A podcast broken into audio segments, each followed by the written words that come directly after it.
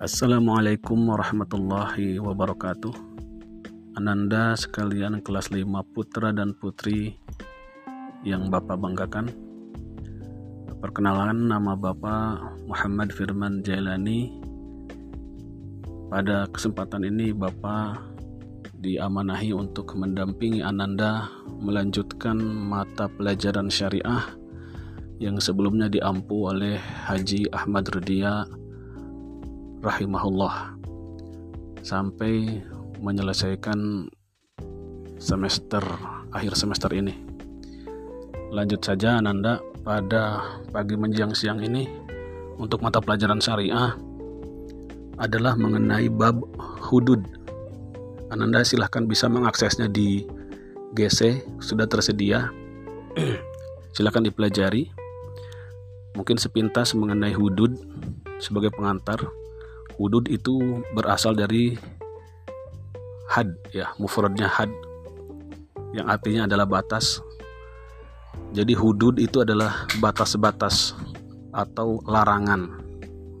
Sedangkan secara istilahi, secara terminologi, hudud adalah hukuman yang telah ditentukan oleh Allah, yang telah ditetapkan oleh syara untuk mencegah terjerumusnya orang kepada kejahatan yang sama dan untuk menghapuskan dosa-dosa pelakunya.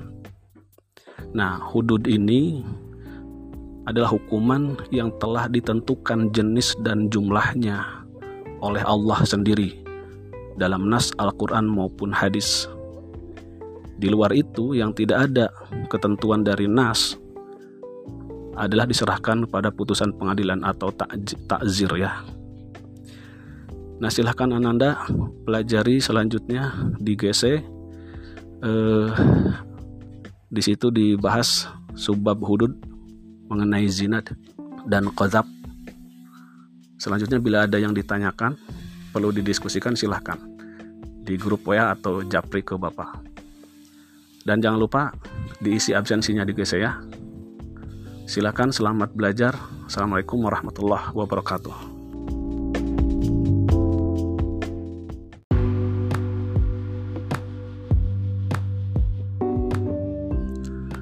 Assalamualaikum warahmatullahi wabarakatuh. Alhamdulillah wassalatu wassalamu ala rasulillah.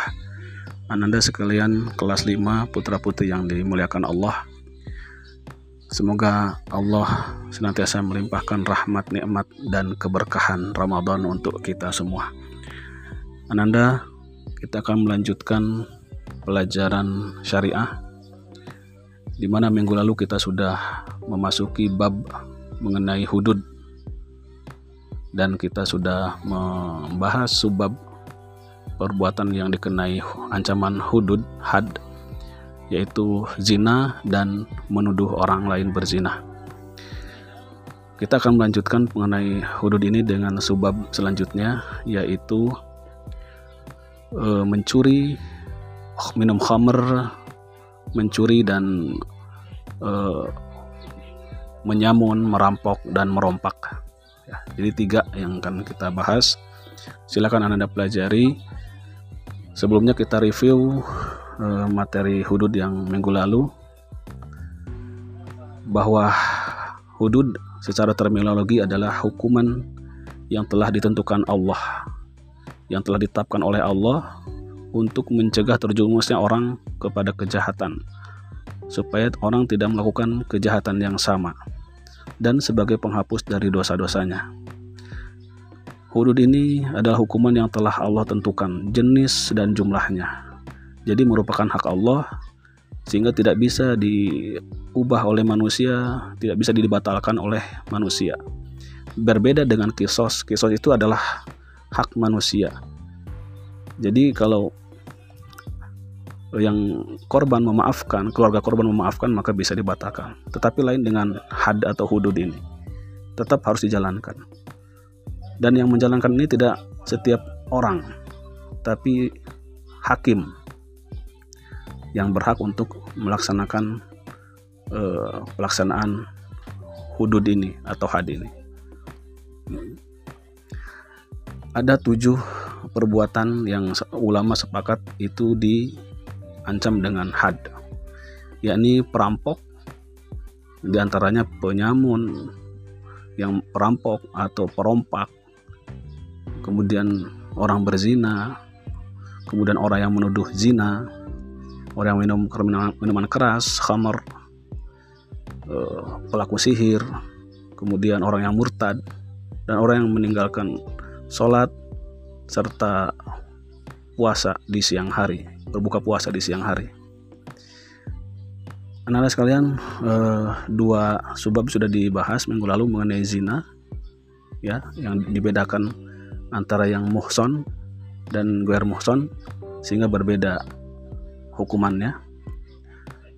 Dan juga tentang orang yang menuduh orang lain berzina atau kozab juga dibedakan hukuman untuk orang merdeka dan hamba sahaya Oke selanjutnya kita akan memasuki pembahasan mengenai sebab eh, had atau perbuatan yang dikenai had selanjutnya yaitu orang yang minum khamr atau minuman keras ya. khamr secara bahasa adalah dari kata khamr yaitu menutupi ya. secara istilah adalah segala jenis minuman atau selainnya yang menutupi fungsi akal yang memabukkan sehingga menghilangkan fungsi akal. Rasulullah SAW bersabda dari Ibnu Umar radhiyallahu anhu ia berkata, "Kullu muskirin khamrun wa kullu muskirin haramun." Tiap-tiap yang memabukkan disebut khamar dan tiap-tiap yang memabukkan itu hukumnya haram. Adapun dalil Quran yang menyebutkan menegaskan keharaman khamr ada di Al-Maidah ayat 90 juga di Al-Baqarah ayat uh, Al-Maidah ayat 90 ya. Dan juga ada di Al-Baqarah ayat 219 ya. dua ayat ini menegaskan tentang keharaman mutlak khamar ini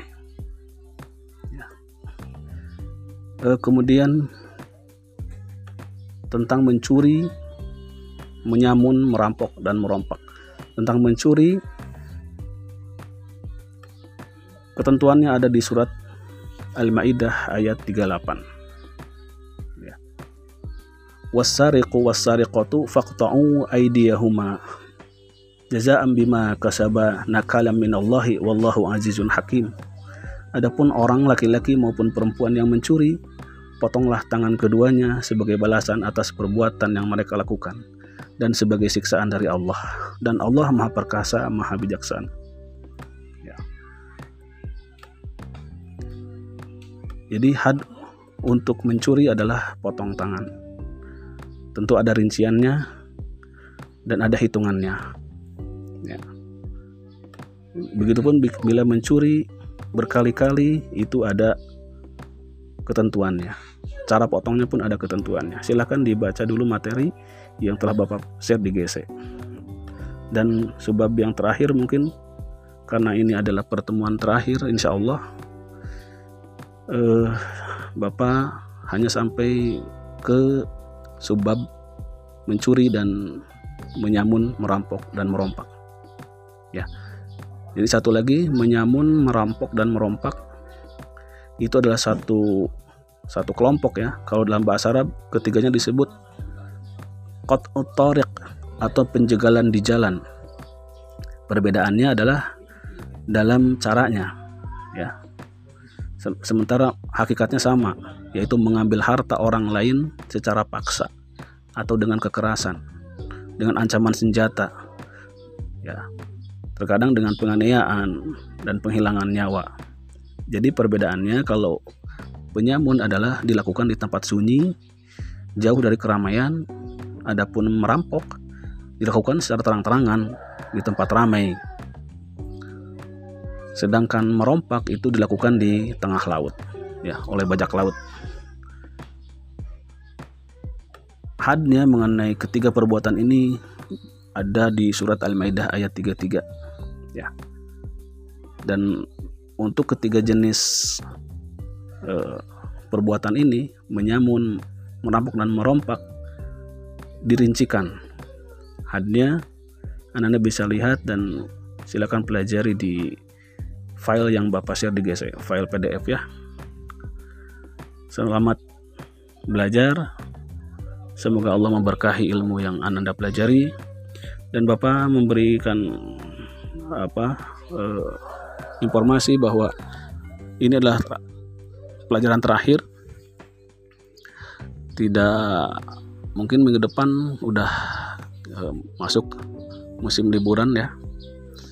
Namun Ananda yang belum melengkapi nilai-nilai di ulangan atau tugas yang sebelumnya diminta sama Pak Haji Ahmad Rodia rahimahullah atau Ustazah Reni silakan Ananda menghubungi beliau ya Ustazah Reni ya sesegera mungkin supaya Ananda bisa melengkapi nilai untuk tugas dan ulangannya sehingga nanti Ananda tinggal uh, mempersiapkan diri untuk ujian akhir demikian As'alullah tabaraka wa ta'ala ayaj'alani wa ayyakum minal ladzina yastami'una al-qawla fayattabi'una ahsanah. Barakallahu fikum. Nasrun minallah wa fatun qarib. Assalamualaikum warahmatullahi wabarakatuh.